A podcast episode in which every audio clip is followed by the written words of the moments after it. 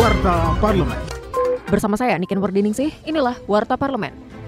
DPR RI resmi mengesahkan rancangan undang-undang tentang perubahan atas Undang-Undang Nomor 5 Tahun 2014 tentang aparatur sipil negara menjadi undang-undang. Ketua Komisi 2 DPR RI, Ahmad Doli Kurnia Tanjung, mengatakan pembahasan Undang-Undang ASN memakan waktu 2 tahun 9 bulan. Ia berharap undang-undang ini bisa menjawab tantangan ASN ke depan agar tercipta birokrasi yang profesional dan berkelas dunia, sehingga indeks persepsi korupsi dan indeks efektivitas pemerintahan semakin baik. Warta Parlemen.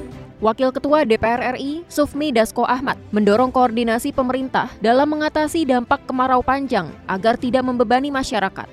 Dampak yang sudah dirasakan saat ini adalah kekeringan yang berdampak pada turunnya produksi pertanian dan lonjakan harga bahan pangan serta mulai timbul kasus karhutla di berbagai wilayah. Pemerintah hendaknya mempersiapkan langkah-langkah antisipasi agar kemarau panjang tidak berdampak membebani rakyat, kerjasama dengan koordinasi yang baik dengan berbagai pihak, BMKG, BNBP, Kementerian Pertanian, Badan Urusan Logistik, Badan Pangan Nasional, serta lembaga lain yang terkait dan dibutuhkan untuk melakukan mitigasi.